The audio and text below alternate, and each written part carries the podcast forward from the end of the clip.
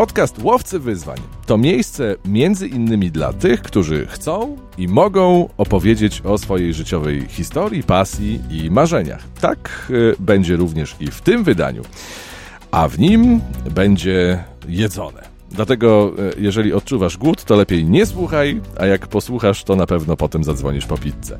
Zapraszam, Paweł Ptaszyński. Dzień dobry wieczór.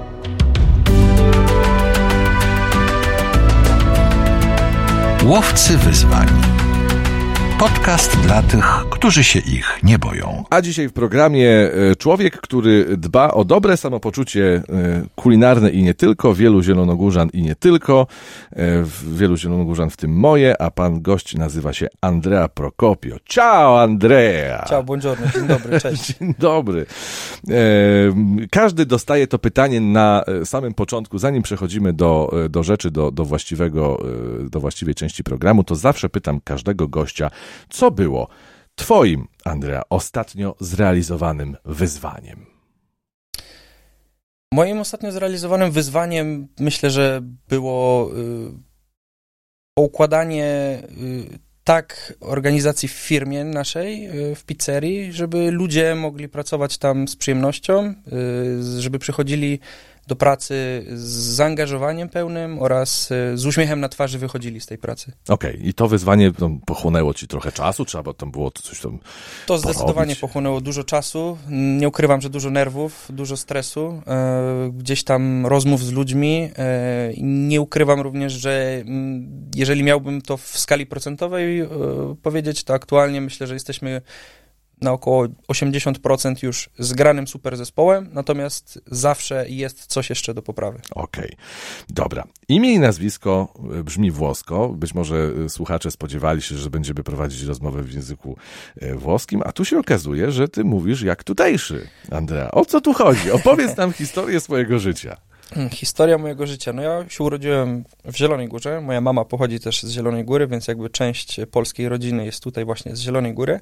Natomiast tata jest Włochem, e, urodzonym w Kalabrii mhm. e, i moi rodzice poznali się w Polsce, e, wzięli ślub w Stanach Zjednoczonych. Jest to dość długa też historia. E, natomiast y, ja, tak, ja chodziłem do szkoły w Zielonej Górze, później wyjechałem na studia e, poza Zieloną Górę, do Poznania i również y, studiowałem część y, moich jakby studiów w Florencji, we Włoszech. Mhm. No po czym wróciłem do Zielonej Góry i poznałem moją aktualną żonę, e, więc można powiedzieć, że tak, wróciłem do Zielonej Góry za miłością i, i kocham to miasto, szczerze powiedziawszy. Naprawdę lubię je. Okej, okay, bo tak można byłoby wnioskować, że na przykład, nie wiem, przyjechałeś z daleka, jesteś imigrantem, a tu się okazuje, że ty tutejszy jesteś. Tak, tak, tak, jestem tutejszy, jak najbardziej. Okej. Okay. E, czyli tak naprawdę po polski styl myślenia, tak? E, Czy nie? Powiem ci, no nie do końca. Myślę, że polski styl myślenia bardzo dużo jednak jest tutaj jakby mm, zapożyczeń z mhm. jakiegoś tam zagranicznego stylu myślenia i staram się zawsze to, co najlepsze, z, z jakby mojego doświadczenia z zagranicy, z rodziny, e, która pochodzi też z zagranicy i jakby z, też z podróży, które e, gdzieś tam były w ciągu mojego życia, przynieść do życia codziennego. Stąd myślę, że to myślenie jest podzielone pół na pół z, ziemi włoskiej do Polski i odwrotnie. Dokładnie tak, dokładnie tak jak mówisz. Dobra, więc no tutaj, y, że tak powiem, odpadają, y, odpadają pytania o, o to, co ci się w Polsce podoba i tak dalej. Jaki Pogoda. Był, jaki był pier, pierwszy szok, e, pierwszy szok po przyjeździe. Wiadomo, że ty tu jesteś cały czas. A powiedz, y, właśnie to jest tak, że dzielisz życie pomiędzy Polskę a Włochy bardzo często tam jesteś, wyjeżdżasz? Często, często, tak. Często. Wiadomo, że od kiedy jest pizzeria, to jakby no, te podróże też się troszkę e, zmniejszyły ilościowo, bo pochłania nas to bardzo dużo e, czasu, e, prowadzenie pizzerii. Natomiast jak tylko jest kilka wolnych dni, to uciekamy do Włoch, łącznie z historią z zeszłego roku, gdzie mieliśmy jechać na krótki wypad na Hel i wstałem rano i mówię do Karoliny, jedziemy do Włoch. I się spakowaliśmy i pojechaliśmy zamiast na Hel, to do Włoch na 10 dni, wiesz. Także no nie ukrywam, że ciągnie mnie non-stop, wiesz, non-stop. Mimo tego, że są miejsca we Włoszech, gdzie już byłem wielokrotnie, gdzie pokazałem już y, swojej żonie część Włoch, dalej mnie tam ciągnie, dalej jest ciągle coś do odkrycia pięknego, dalej jest ciągle coś do pokazania. Jedzenie, wino, kultura, historia, no tutaj Piłka moglibyśmy... nożna. No, Biorę to w ogóle no, osobny temat jest piłka nożna oczywiście, natomiast no naprawdę za każdym razem jak tylko mogę, to moim pierwszym wyborem, pierwszym kierunkiem jest Italia i no i tak, tak to wygląda. Okej, a powiedz, jak, jak wygląda właśnie, bo, bo e, e, mówisz, że urodziłeś się w Zielonej Górze, tutaj większość życia właściwie e, spędziłeś, a jak jest z twoim językiem włoskim z kolei? U, u, Jeżeli chcesz, możemy przejść na włoski no, bezpośrednio. ja tam, to, jak kiedyś próbowałem tam parę słów, ale to może lepiej nie będę się kompromitował. Powiem ci, z włoskim jestem native speakerem, Mhm, w sensie jakby mhm. kompletnie nie poczujesz różnicy, jeżeli zacznę mówić po włosku, z tego względu, że y, od małego y, moja mama do mnie mówiła po polsku, tata mówił po włosku. Nie ukrywam, że w momencie, kiedy zaczynał się u mnie wiek y, mowy, y, zacząłem mieszać języki, do tego doszedł język jeszcze angielski, niemiecki, w szkołę i tak dalej. Miałem moment, kiedy miksowały mi się 3-4 języki w głowie, natomiast później się to wszystko poukładało i jakby aktualnie Do- jestem w stanie rozróżnić. Do, do szufladek odpowiednich Tak, się... tak, tak, tak. E, A powiedz, czy ty studiowałeś, bo wspomniałeś o studiowaniu w Poznaniu i też we Florencji. Dokładnie. Co studiowałeś? Nie, nie studiowałem niestety nic związanego z gastronomią, ponieważ No. studiowałem y, zarządzanie i ekonomię. E, Natomiast no nie ukrywam, że na pewno wiedza zarządzania i ekonomii się przydała do prowadzenia firmy. No, no właśnie. A to właśnie, to jak wyglądały te, te y, twoje początki jako biznesmena?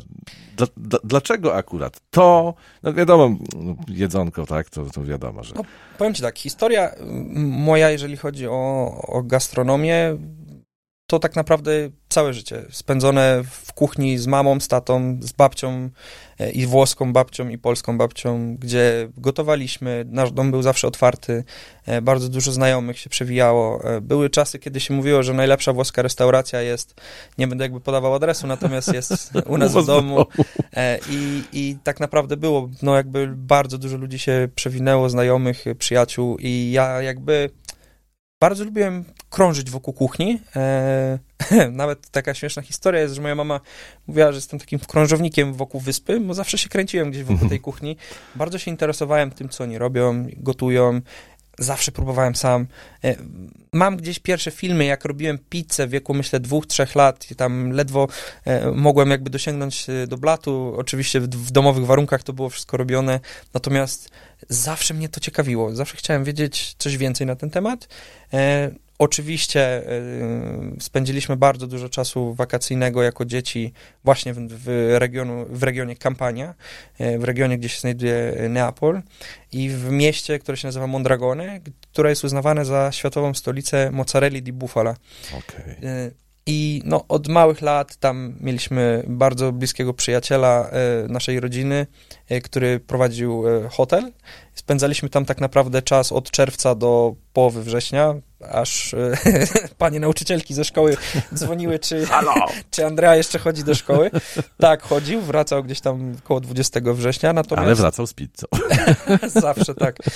E, I no, nasiąknęliśmy mocno tą gastronomią, znaczy gastronomią może nie, natomiast... yy, Kuchnią po prostu. Kuchnią, Smakami. no i oczywiście tą gastronomią i hotelarstwem też, bo zawsze patrzałem, jak wujek Edo prowadził hotel, jak bardzo przykładał się do tego, żeby było wszystko dopracowane, jak e, jeździłem z nim na targ rybny, żeby skupić świeże ryby, jak jeździłem z nim e, po dostawy napojów, po dostawy makaronów, świeżych warzyw i owoców. I to wszystko mnie nauczyło gdzieś tam, żeby dbać o te małe szczegóły, bo finalnie mój klient w mojej restauracji chciałbym, żeby był tak zaopiekowany, jak ja byłem zaopiekowany wtedy. A naprawdę uwierz mi, że wtedy wujek stawał na głowie, żeby mm, było nam dobrze. Okej. Czyli- Troszkę się wzruszam, przepraszam, E, bo Ale wiesz co, poczułem dokładnie to samo. e, niestety ten wujek już nie żyje. A, I ale stąd gdzieś tam moje... U, udzieliło się, Tak. udzieliło się, bo, bo do, dokładnie to zarezonowało, więc, więc ja to poczułem doskonale. E, czyli, czyli tak naprawdę podglądałeś tę gastronomię od samych najmłodszych lat. A powiedz, kiedy e, w twoim, e, w twojej głowie, w sercu zrodził się pomysł, że ja chcę być e, biznesmenem, chcę być właścicielem restauracji? Wiesz co, jeżeli chodzi o mm, to, że chcę mieć własną firmę, to jakby no naprawdę od kiedy byłem dzieckiem, też jakby rodzice, dziadkowie prowadzili własne firmy w różnych branżach i jakby ja byłem myślę, że nastawiony na to, że chce mieć własną działalność. No i to się na szczęście udało. I natomiast kiedy padła decyzja, że to ma być gastronomia, powiem ci, że trochę może w tym było przypadku, troszkę szczęścia i troszkę, jak, no na pewno dużo ciężkiej pracy, o czym też na pewno powiemy. Natomiast y, y, Prowadziliśmy z żoną sklep internetowy z włoskimi przysmakami. E, kiedy wybuchła pandemia, były bardzo duże problemy z tym, żeby te dostawy produktów z Włoch ściągać. E, część fabryk się we Włoszech pozamykało i transport był bardzo ograniczony, bardzo trudno było to e, jakby kontynuować, więc zdecydowaliśmy, że trzeba się troszkę przebranżowić, spróbować coś, co gdzieś było u mnie w głowie z zamiłowania ogromnego i y, kupiłem taki mały piecyk do pizzy, do domowych wypieków. Y, w ogóle na urodziny mojego taty, które były 1 marca y, i to był właśnie okres, kiedy ta pandemia tak bardzo napędzała się we Włoszech i zacząłem piec pizzę tacie na urodziny i jakby z Karoliną doszliśmy do wniosku, a choć spróbujemy to jakby dać ludziom, żeby spróbowali. Skoro nam to smakuje, to dlaczego ludziom ma nie smakować? No i przez pewien okres czasu, tak jakby między znajomych, między przyjaciół e, i tak dalej, i tak dalej. E, I no, bardzo pozytywny feedback z tego wszystkiego był. Ludzie byli zachwyceni, mimo tego, że robiliśmy to, że tak powiem, w domowych warunkach, jeszcze bez super profesjonalnego sprzętu. No i wtedy naprawdę uwierzyłem w ten pomysł. Uwierzyłem bardzo mocno, e, że możemy to zrobić na szerszą skalę, na profesjonalnym sprzęcie. I, no i stąd się to wszystko zaczęło i wzięło. Okej, okay, czyli to był tak naprawdę 2020 rok. Ja myślałem, że trochę wcześniej byłem przekonany. To, to że... był dwa, e, znaczy tak, y, nasza pizzeria tak istnieje od 2020 okay. roku, e, natomiast y, firma cateringowa Rosmarino istnieje od 2014 roku. Okay. Więc gdzieś ta gastronomia już się tam przewijała, natomiast pizzeria sama w sobie powstała e, tak w 2020. Mhm. I to, y, to przez pierwsze 6 lat to było tylko właśnie internetowa sprzedaż y, tak. produktów? Tak, tak, to była internetowa sprzedaż produktów, e, o czym myślę, że jakby jeszcze jak gdzieś tam chodzi po głowie, żeby wrócić do tego tematu, e, to były bardzo dobrej jakości produkty ściągane od małych producentów, gdzieś tam naprawdę jeździliśmy, szukaliśmy ich sami i, i, i myślę, że wrócimy do tego tematu. Dobra. No to y, tu postawmy kropkę, już y, y zostawmy sprawy, że tak powiem, zarządzająco, y, firmowo, y, inspiracyjne i teraz przejdźmy już do clue naszego dzisiejszego spotkania, czyli po prostu zjedzmy sobie pizzę.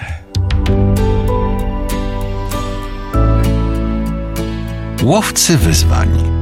Tak jak wspomniałeś, e, w Zielonej Górze, w pizzerii Rozmarino można cię e, podejrzeć e, przy pracy. Czy możesz powiedzieć o sobie, że o pizzy wiesz już wszystko? Nie. O pizzy nie wiem wszystkiego i jakby pizza napolitańska, tym bardziej pizza canotto, czyli styl pizzy, którą my realizujemy, jest tematem, który na co dzień mnie uczy bardzo dużo i myślę, że każdy szanujący się i dobry pizzaiolo powie ci to, że on się nigdy nie nauczy wszystkiego na temat pizzy, z tego względu, że yy, to ciasto, które my robimy, jakby ma bardzo duży wpływ na to ciasto, wszystko, co się dzieje na zewnątrz.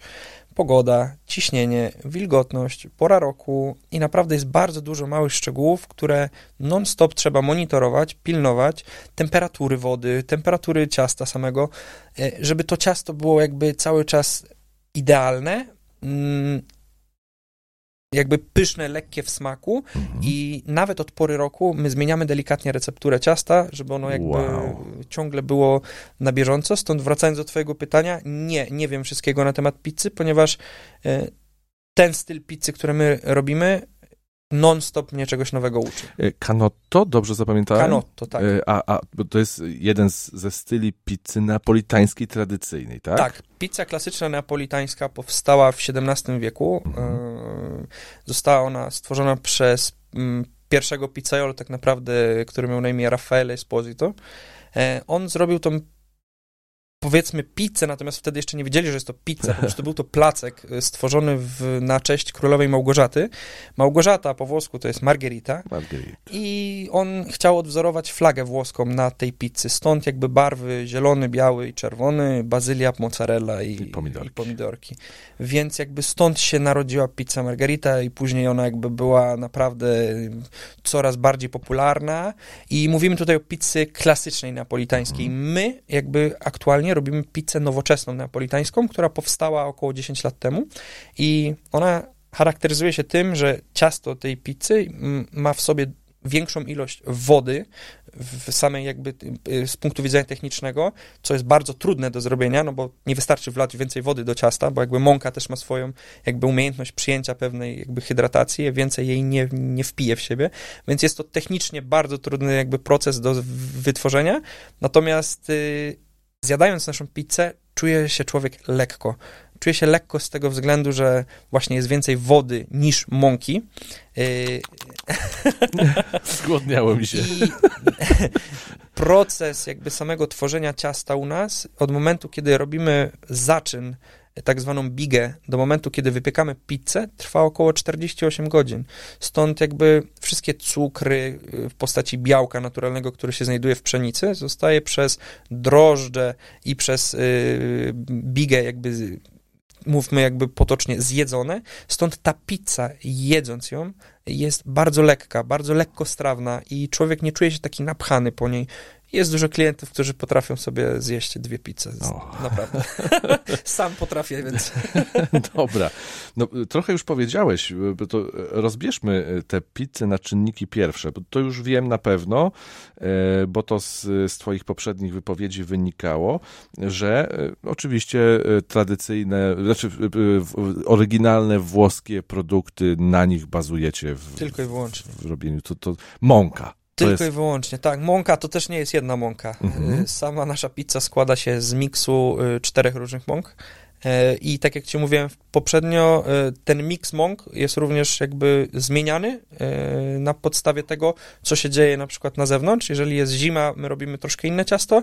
Jak jest ten okres przejściowy, który jest dla nas najtrudniejszy, taka wiosna, lato, gdzie są duże jeszcze wahania temperatur, zmieniamy i później jakby no, stabilnie pracujemy na cieście letnim, że tak powiem. Później przechodząc z powrotem w okres przejściowy, jesienno-zimowy, mamy troszkę, że tak powiem, zawirowań z ciasta Natomiast później znowu pracujemy stabilnie w okresie zimowym. No i tak ta mąka, to są cztery różne miksy mąk. E, nie będę mówił jakby nazwy, bo to jest gdzieś tam tajemnica nasza, okay. wypracowana przez, e, przez dużo prób, błędów, e, godzin poświęconych nad tym ciastem. To, to ile, ile ciasta wyrzuciłeś do śmietnika? Wiesz co, do śmietnika powiem ci szczerze, że dużo starałem się nie wyrzucać, bo nawet jeżeli to ciasto nie zadowalało mnie w taki sposób, jakbym chciał serwować klientom, to zawsze starałem się przerabiać to ciasto Okej. na co innego. E, Podchodzę do tego bardzo tak, e, mama mnie chyba tego nauczyła, e, zasady zero waste. Nie marnowanie. Nie marnowania i jakby myślę, że tutaj trzeba szanować produkt, który się ma. Przerabialiśmy ciasto, które mi nie wyszło na chleby, na fokacie, jakieś inne wypieki, więc szczerze ci powiem, myślę, że podczas naszej pracy w pizzerii nie wyrzuciłem ciasta do kosza. Wow, Naprawdę. brawo, no bo ciasto to świętość przecież. Ciasto to świętość i ciasto to jest bardzo dużo godzin poświęconych na to ciasto, więc samo, sam fakt wyrzucenia tego ciasta O, to- bolałoby mnie to niesamowicie. do- do- rozumiem, Nie patrząc na względy ekonomiczne oczywiście, tylko y, godzin Spędzonych, wieczornych, tak. y, bo zazwyczaj jakby robimy to wieczorem, e, więc no, dużo godzin pracy pizzaiolo jest potrzebne, żeby to ciasto było tak jak jest. Powiedziałeś o czterech różnych rodzajach mąki, czyli Tak. tam w zależności od tego okresu, w którym serwujecie, tam się zmieniają proporcje tej mąki. Po- Powiedzmy zawartość procentowa poszczególnych z nich. Te Okej. mąki są e, technicznie troszeczkę, jedna różni się od innej. Preferment, który ci y, powiedziałem, biga, Giga. jest robiony na y, mące o bardzo wysokiej zawartości białka, ponieważ sama biga u nas fermentuje 24 godziny, od 18 do 24 godzin, e, a później robimy ciasto właściwe z tej bigi i tam jeszcze dosypujemy trzy kolejne miksy mąk e, i tak naprawdę od okresu, kiedy je robimy, to różni się delikatnie ich proporcja. Okej, a to, to teraz powiedz, bo, bo staram się to zrozumieć. Jak pogoda ma wpływ na to, co się w tym cieście dzieje? Y, Powiem ci tak, na początku, kiedy wiem, że może to brzmieć dziwnie, natomiast, że pogoda ma wpływ na ciasto do pizzy. No tak, ma. I nawet byłem w szoku, jak bardzo ma, pomimo tego, że ciasto stoi w budynku, gdzie jest pizzeria i jeszcze jest zamknięte w pojemniku e, do, do, do garowania i tak dalej. Natomiast y, ma bardzo duży wpływ. E, przede wszystkim e, wilgotność powietrza. Ciasto jest hygroskopijne. Potrafi wciągać wilgoć z z otoczenia. Z otoczenia, z powietrza, tak samo jak i mąki, które mhm. jakby używamy. Więc w momencie, kiedy y, mamy dostawy mąki, ja również sprawdzam to, czy mąki nie są już zawilgocone. Mhm. Zdarzyło się to niestety w historii, że były zawilgocone i zwróciliśmy całą partię mąki, y, ponieważ nie udało się nam osiągnąć naszej y, jakby mm, założonej hydratacji ciasta, czyli poziomu wody, w które wlewamy do tej mąki, żeby jakby ta pizza była taka, jaka jest. A jak to mierzycie? Wilgotnościomierze. Aha, tak? Taki wilgotnościomierz e, procentowy wbija okay, się w worek okay. mąki i w ten sposób no tak. widzimy, jak, e, jak jakby e, ile wilgotności jest w tej mące już jakby przed jeszcze przerobieniem jej.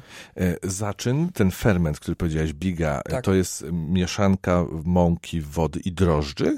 Tylko i wyłącznie, tak. Drożdży. To jest mąka, woda i bardzo mała ilość drożdży, gdzie w proporcjach też postaram się ich jakby nie okay. sprzedawać tutaj, bo to są też jakby nie godziny, godziny e, pracy mm, pizzaiolo, e, żeby jakby dojść do tego e, poziomu.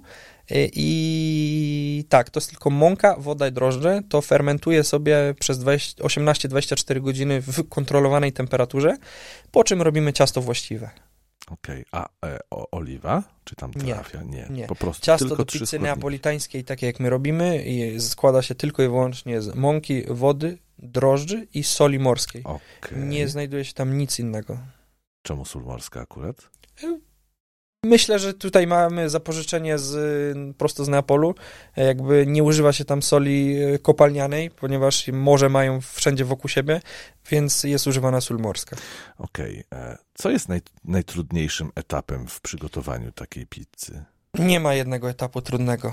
Wszystko jest, trudne. Wszystko jest trudne. Wszystko jest trudne, natomiast nie chciałbym tutaj zniechęcać potencjalnych pizzaiolo, którzy nas słuchają, ponieważ jeżeli ktoś chce się nauczyć i będzie starał się podejść do tematu też z takim zainwestowaniem w siebie czasu i y, nauczeniem się czegoś, co da pewien zawód, który masz w rękach i no w głowie oczywiście również, to myślę, że jeżeli ktoś jest y, chętny do nauki, to jest w stanie się tego nauczyć.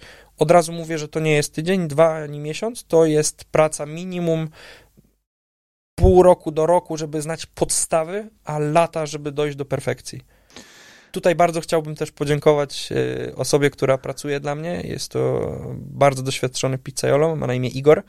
Spędził ponad 10 lat we Włoszech, w samym Neapolu, ucząc się tej sztuki, później wrócił do Polski, e, pochodzi z Ukrainy, natomiast wrócił do Polski, teraz jest ze swoją rodziną w Zielonej Górze i jakby no też nie ukrywam, że bardzo dużo doświadczenia, którego on zasięgnął właśnie we Włoszech bezpośrednio, e, przywiózł do mnie i myślę, że moje doświadczenie, jego doświadczenie i doświadczenie też innych pizzaiolo, których spotkałem po drodze, zawsze uważam, że to uczy i zawsze uważam, że miło jest się spotykać z innymi pizzaiolo, popracować razem sobie na blacie, na piecu, powymieniać się doświadczeniami, zobaczyć jak oni są zorganizowani, jak my jesteśmy zorganizowani i takie spotkania uważam za bardzo cenne. Okej, okay. E, wspomniałeś o piecu. No to jest właściwie najbardziej gorące serce każdej tak. pizzerii.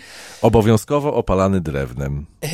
Tak, obowiązkowo opalany drewnem, u nas jest opalany drewnem, natomiast no niestety będę ubolewał nad tym, ponieważ e, normy emisji spalin i tak dalej powodują to, iż niestety w większych miastach już są zakazy palenia drewnem, w pizzeriach neapolitańskich, co moim zdaniem jest dla nich zabójstwem bezpośrednim. No bo to właściwie są... traci sens. Troszkę tak, troszkę tak. To tak jakby, nie wiem, no w smażalni ryb zabronić, w takiej klasycznej smażalni ryb zabronić smażyć na oleju, a nagle kazać im smażyć no, gorącym powietrzem trochę, nie?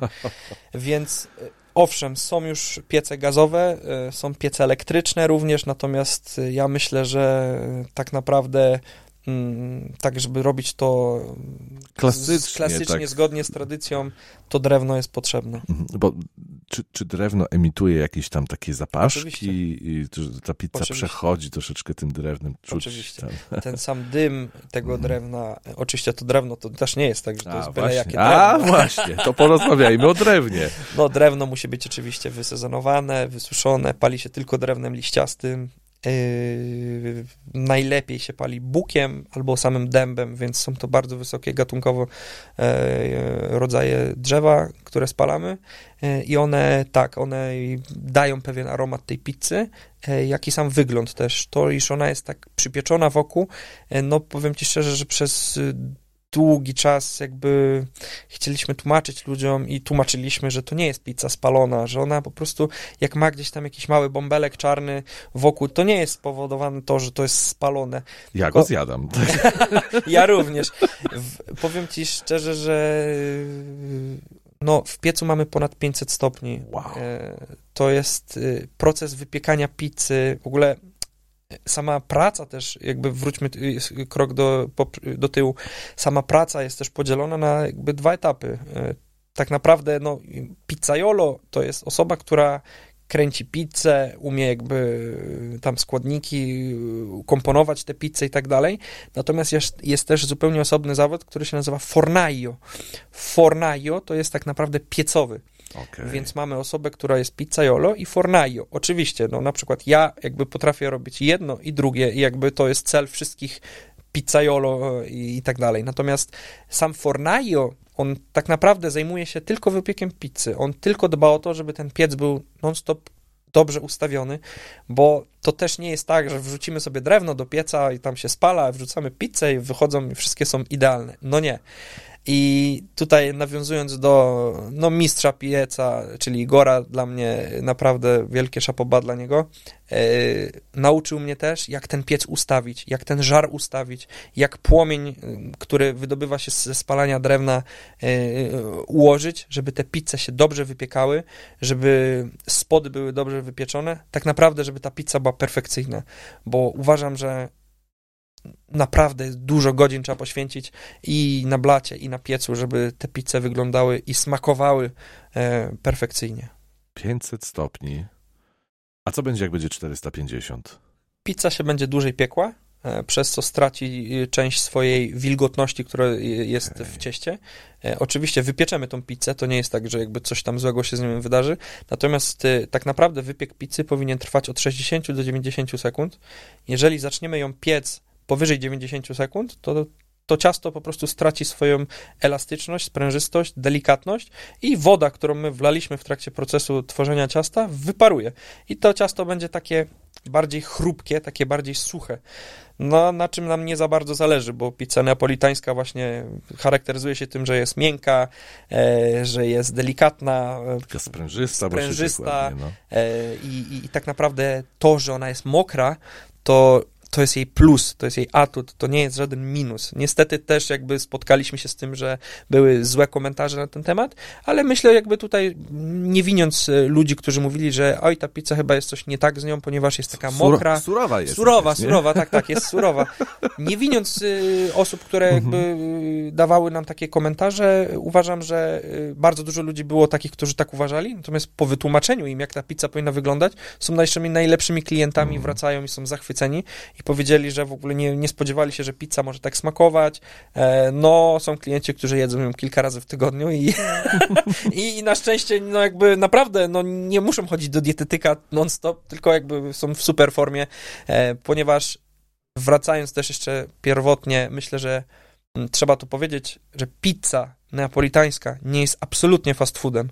Nie można powiedzieć, że to jest fast food, Pomimo, że piecze się szybko. pomimo, że piecze się szybko, natomiast ilość godzin, która jest potrzebna, żeby wytworzyć ciasto, Wspomniałeś 48 godzin. Tak. Warunki, mąka. warunki, mąka, składniki, jakby sam proces nauki tego wszystkiego, no to nie może być fast food. To wręcz odwrotnie, ja bym zaliczył to do slow foodu, ponieważ powstaje ona w bardzo dużej ilości poświęconych godzin, żeby była taka, jaka jest i smakowała tak, jak ona smakuje. A powiedz jeszcze, e, czy, czy, czy twój proces nauki, e, przygotowywania ciasta, pizzy, to, to też e, oparłeś się o jakieś książki, na przykład jak zrobić pizzę napolitańską, nie? To o... Wiadomo, że zaczyna się zawsze gdzieś tam od jakichś wyszukiwań, jak się robi pizzę napolitańską, natomiast tutaj wracając do historii, ja jakby jako dzieciak mały u wujka Edo podglądałem wtedy pizzaiolo, jak oni robili tą pizzę i bardzo mi się to podobało. Swoją drogą pracowałem kiedyś jako kelner u wujka Edo w restauracji za dzieciaka i miałem kontakt z tymi pizzaiolo e, i jakby mm, sam proces nauki mój wyglądał w ten sposób, że gdzieś tam widziałem jako dziecko, jak to się robi. Później oczywiście swoje własne zainteresowanie skłoniły mnie do tego, żeby szukać dalej wiedzy na ten temat. No i też to, co już powiedziałem, uważam, że nadal dzisiaj nie wiem wszystkiego na jej temat i dalej się uczę. Doświadczenie, które wymieniliśmy z różnymi pizzaiolo, których spotkałem na swojej drodze, też dużo pomogły.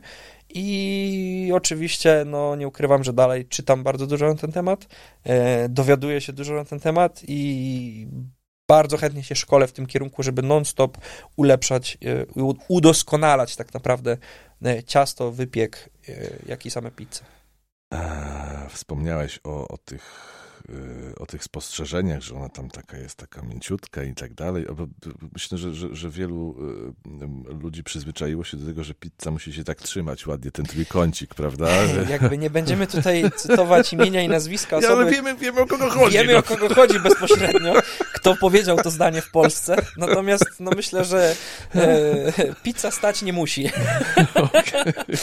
Wręcz odwrotnie. Pizza napolitańska w momencie, kiedy pokroi się ją jakby w trójkąciki. Zacznijmy od tego, że, że się jej nie pizzy kroi. neapolitańskiej nie powinno się kroić. Pizzę neapolitańską ewentualnie można na cztery kawałki przeciąć, jak mamy krąg 30-32 mhm. cm i to ciasto zwinąć, że tak powiem, troszeczkę i wtedy jakby zjeść. Nie kroimy jej na więcej niż cztery kawałki, ponieważ wtedy jest bardzo trudno ją zjeść. Yy, ona jakby, no faktycznie, tam te pomidory, mozzarella, czy tam te składniki, które się na niej znajdują, spływają z tej pizzy, więc yy, tak naprawdę na cztery ciachnąć, zwinąć sobie jeden taki trójkącik w pół i w pół i delektować się tą delikatnością i smakiem. Albo po prostu sobie łapkami rwać. Oczywiście, oczywiście. Ja patrzę często na, nawet wczoraj y, pracując, y, patrzyłem na dzieci, które jedzą tę pizzę i powiem szczerze, że jest to dla mnie tak duża satysfakcja, jak ja patrzę, jak te dzieci rozrywają tą pizzę na kawałki i gdzieś tam trochę moczą sobie te korniczone w sosie pomidorowym, jedzą, później trochę wezmą ze środka tej pizzy. Cieszy mnie to, cieszy oko i cieszy, że tak powiem, jakieś moje wewnętrzne takie zadowolenie, że, e, że udało się e, przekonać ludzi, żeby jedli pizzę inną niż byli przy jakby... Yy, niż tą stojącą w trójkącikach. Niż, tak, tak, tak, tak, tak, niż tą stojącą w trójkącikach i tą, co byli przyzwyczajeni, że muszą e, mieć na pizzy 10 składników różnych i że ta pizza musi być też unurzona w, w sosie Sosach. czosnkowym, czy nie daj Bóg w jakichś keczupach i innych historiach. Tak naprawdę nasza pizza ma tyle w sobie smaku i tyle najlepszej jakości produktów, składników, że nie potrzebuje dodatkowo w smaku absolutnie niczego. Wspomniałeś o, o przykładowych 10 y, składnikach. E, twoja pizza najwięcej składników ma ile? Mm, no, żeby nie skłamać ciebie, to... Znaczy nie licząc mąki, drożdży i wody oczywiście, tylko to, co się na nie kładzie. No pomidorki albo... 4-5? 4-5. 4-5 składników, tak. I to jest już taka pizza, jakby, która ma najwięcej z nich na górze i jakby no to jest już taki limit, nie? Dlatego mhm. też y, zawsze staramy się mówić ludziom, żeby jedli tą pizzę w taki sposób, jak my ją skomponowaliśmy. Oczywiście, jeżeli ktoś ma jakieś tam swoje y, indywidualne preferencje, żeby zjeść ją ze swoim ulubionym innym składnikiem, to dajemy taką możliwość, ale do pewnych granic jakby mhm. normalności staramy się tam... Gdyby ktoś chciał na przykład, nie wiem, jakiegoś coś, coś tam z kebaba wrzucić, nie? To nie, nie bardzo. No nie, nie, nie, starajmy się, nie, nie, nie, nie, nie, nie. Starajmy się tutaj jakby może e, nie, nie szaleć z tymi jakby składnikami. Mm, no i są też pewne składniki, których na pizzę napolitańską się po prostu nie kładzie. A możesz zdradzić, czego się nie kładzie? Ananasa w pierwszej A kolejności. nie, no Mama mia. Co? No ananasa nie położymy na pizzę napolitańską, jakby naprawdę e, polecam obejrzeć filmy na YouTubie, są, gdzie e, ktoś tam próbuje w Neapolu e, ananasa na pizzę położyć, co się dzieje. Nie będę ukrywał, że grozi to jakby utrat, uszczerbkiem na zdrowiu swoim. No są też różne inne składniki, które e, typu kurczak, typu kukurydza i tak dalej, gdzie się tego po prostu nie robi. Mhm. Ze względu, przepraszam, ze względu na szacunek do składników. Do, do Ze względu na to, że mm, szanując y, ten jakby pierwotną pizzę, która jest pizza margarita i pizza marinara, jakby nie, nie psujmy tego, co jest już doskonałe. Nie starajmy się wynaleźć na nowo koła. Uważam, że to, jak zostały one wynalezione, są naprawdę idealne. Oczywiście my mamy w karcie pizzę z innymi składnikami, natomiast wszystkie te składniki są najwyższej jakości. Dbamy o to, żeby one były zawsze najlepsze i jakby nie starajmy się udoskonalać już czegoś, co jest doskonałe. To jest moim zdaniem jakby yy, yy, coś, co powinniśmy wziąć pod uwagę jedząc naszą pizzę. A chciałem zapytać jeszcze o, o oliwę, którą się polewa. e, Tak. pizz- Można? Można. A co? A, a one mają jakieś smaki takie szczególne? Ja nie jestem fanem oliwy na Mhm. pizzy. Wolę ją jeść tak, jak wychodzi z pieca. Ja również, natomiast y, oliwę y, traktujemy jako mm, sposób, żeby mm, nasza pizza charakteryzuje się tym, że ma mocno wyrośnięte brzegi. Te brzegi się nazywają po włosku cornicione. I w momencie, kiedy my zjadamy sobie pizzę, y, y, można te brzegi sobie moczyć w oliwie, żeby sobie je y, smacznie zjeść. Natomiast jakby no, jest to możliwość, a nie wymóg.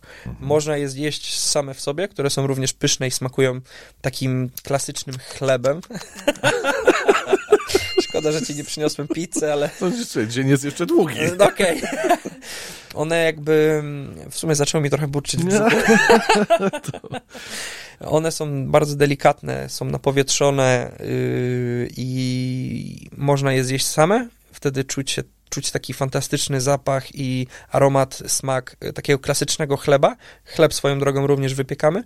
E, Natomiast yy, można je zamoczyć w oliwie i wtedy jak najbardziej też są przepyszne. Oczywiście oliwa z oliwek. Tylko. Żaden tam olej z pierwszego tłoczenia. Tak. E, chciałem zapytać też o, o bo, bo, bo wiem, że, że robicie pizze sezonowe. Tak. To jest y, coś, co też we Włoszech się robi, czy, czy to tak bardziej tutaj? Powiem ci tak, jeżeli chodzi o pizzę, ta pizza ewoluowała dużo też. Oczywiście, tak jak w XVII wieku ona powstała y, jakby kla- jako klasyczna margarita, natomiast wiadomo, że ludzie zawsze kombinują i starają się coś tam jakby udoskonalać i, i próbować przede wszystkim. I ja jak najbardziej y, jestem za tym, żeby próbować czegoś, ale zawsze powinniśmy mieć jakieś takie granice, y, powiedzmy, przyzwoitości, w których powinniśmy się poruszać. I tak, są pizze sezonowe, które tworzymy, e, tak jak jest teraz sezon na szparagi, czy by, był sezon na czy jest jakiś inny sezon na jakieś super warzywo, które jest teraz fajne, to robimy coś z tego produktu i wrzucamy go na pizzę, starając się komponując, komponując tą naszą pizzę w taki sposób, żeby oczywiście ona była smaczna, e, natomiast tak, jest to już jakaś dywersyfikacja od tej klasycznej pizzy, e, tak jak mówiłem, w granicach przyzwoitości. Ale świętości nie szarga. Tak, oczywiście, że tak, oczywiście, że tak. Tym bardziej, że pizza canotto to jest jakby nowoczesny styl pizzy, który powstał dosyć niedawno, około 10 lat temu i ta pizza też jest jakby mm, ewolucją pizzy neapolitańskiej i ona jakby skłania do tego i wszystkich pizzaiolo na świecie e, zachęca, żeby kombinować ze składnikami w granicach przyzwoitości. E, e, Wiele razy chyba każdy z nas miał okazję zobaczyć to takie podrzucanie e, ciasta i manewry w powietrzu, ale pizza napolitańska tak się nie robi. To jest takie show. Show. To jest takie show. Każdy z nas umie rzucać tą pizzą. Czasami jak dzieci przychodzą, żeby miały frajdę, rzucę pizzę, żeby tam były zachwycone. Natomiast tak, to jest niepotrzebne zupełnie i pizza, ciasto na pizzę napolitańską jest na tyle delikatne, tyle, mi- na tyle miękkie, że nie potrzebuje żadnych akrobacji w powietrzu i tak naprawdę jest to bardzo duża sztuka, żeby rozkręcić placka na pizzę w taki sposób, żeby nie zniszczyć tak naprawdę tej całej ciężkiej pracy, które przez 48 godzin zrobiliśmy do momentu wypieku, żeby te brzegi były ładnie wyrośnięte, żeby spód był równomiernie rozkręcony, żeby ta pizza była cieniutka, delikatna, więc To najlepiej robić na blacie, na, na płaskiej powierzchni. tak, to się zawsze robi na blacie. E, aktualnie używamy blatów marmurowych, kiedyś były blaty drewniane. E, I, no i to też jest gdzieś tam ten szczegół, który zawsze, e, zawsze jakby trzeba wziąć pod uwagę. E, z tego względu, że ciasto, e, które rozkręcamy, smarujemy składnikami, nie może za dużo leżeć na tym blacie, bo zacznie przemakać. Jak ono przemoknie, to już nie damy rady naciągnąć tego placka na łopatę, to się wszystko przyklei, więc tak naprawdę tu są te niuanse, które mówiliśmy, że Pytałeś się mnie na początku, co jest najtrudniejsze. Nie ma tak naprawdę czegoś, co jest jedno najtrudniejsze, bo gdybyśmy przestudiowali sobie cały proces od początku do końca, tak naprawdę każdy z nich jest trudny. Gdzieś tam można się wyłożyć w każdym Mm, razie. Bardzo dużo. Powiedz, czy, e, czy masz na tyle rozwinięte kubki smakowe, że potrafisz wyczuć w cieście, w smaku takie drobnostki? Bo ja na, Tak. przykład, ja na przykład nie potrafię.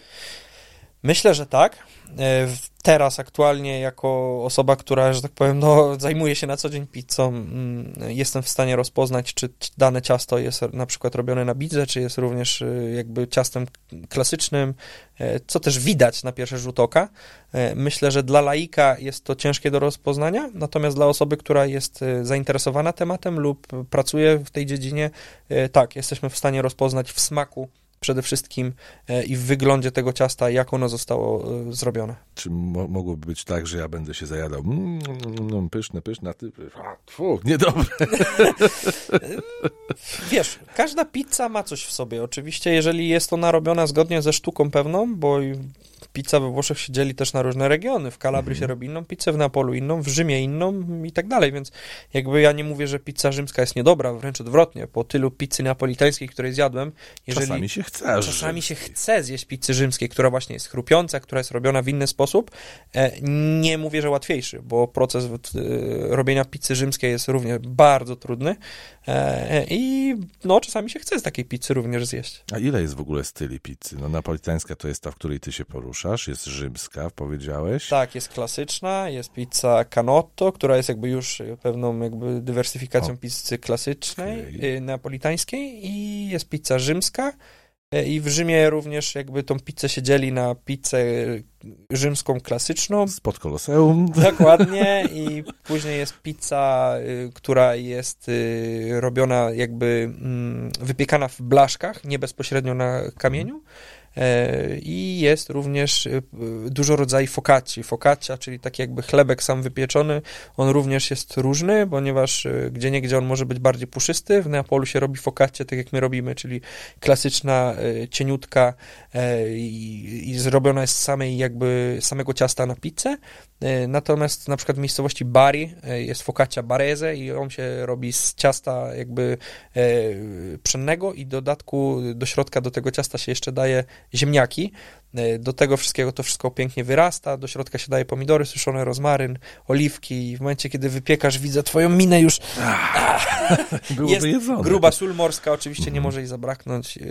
No i jest genialna również. Dlatego ja nie mówię, że inna pizza jest niedobra. Nie, no ja wiadomo, uważam, że- Trzeba próbować każdej. Oczywiście, że tak. Ale napolitańską kochać najbardziej. No gdzieś tak można powiedzieć. Jest to królowa wszystkich pizz. E, Natomiast y, jeżeli jest pizza zrobiona zgodnie ze sztuką danego regionu, zjadam ją z największą przyjemnością.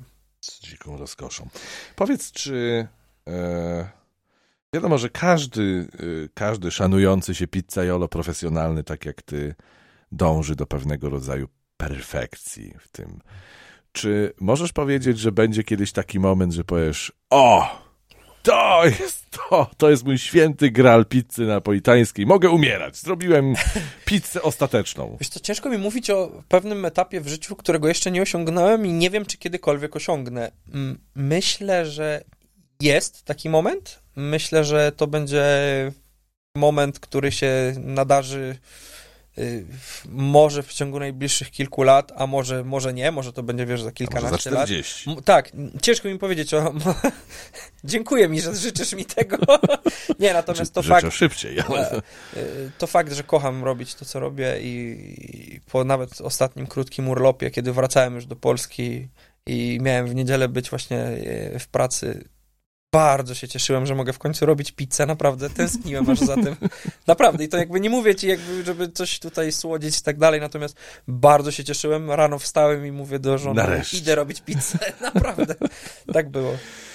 A powiedz, czy, czy inni Włosi, którzy znają się na, na, na rzemiośle, jak próbowali twojej pizzy, to co mówili? Doceniali. O, w Zielonej Górze jest pewna rzesza Włochów, których tam też znamy bezpośrednio i Bravissimo, powiedzieli. potrafią to docenić bardzo dużo klientów mamy również, którzy e, w związku też z tym, że koło Zielonej Góry są bazy wojskowe NATO, e, spotykałem się z tym, że przyjeżdżali do nas żołnierze włoscy. Specjalnie. E, tak, z Esercito Italiano i właśnie oni jakby próbowali tą pizzę i muszę ci powiedzieć szczerze, że niektórzy z nich powiedzieli zdanie, które jakby też było jakby spełnieniem moich małych marzeń.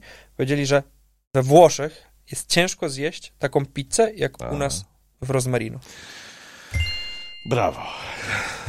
Brawo. Andrea, bardzo dziękuję za, e, za tych parę dziesiąt minut, gdzie podzieliłeś się e, kulisami swojej pracy. E, czego życzyć pizzaiolo takiemu jak ty? Tej pizzy ostatecznej. Wkró- pizzy wkrótce. ostatecznej, ale też no, czego mi życzyć? Mm, uczniów. uczniów. Bardzo chętnie bym jakby chciał podzielić się tą wiedzą z innymi i życzyłbym sobie ludzi, którzy chcieliby nauczyć się tego rzemiosła. E, rzemiosła, które e, jest e, uznawane na całym świecie naprawdę bardzo. Więc tak, życzyłbym sobie tych uczniów, nie ukrywając, że ci uczniowie po nauce dadzą mi trochę więcej wolnego czasu, więc jakby to też jest. Gdzie się mogę zapisać i ile to kosztuje? Zapraszam serdecznie. Andrea Prokopio, Pizzeria Rozmarino, Zielona Góra. Bardzo dziękuję za wizytę. Dziękuję również.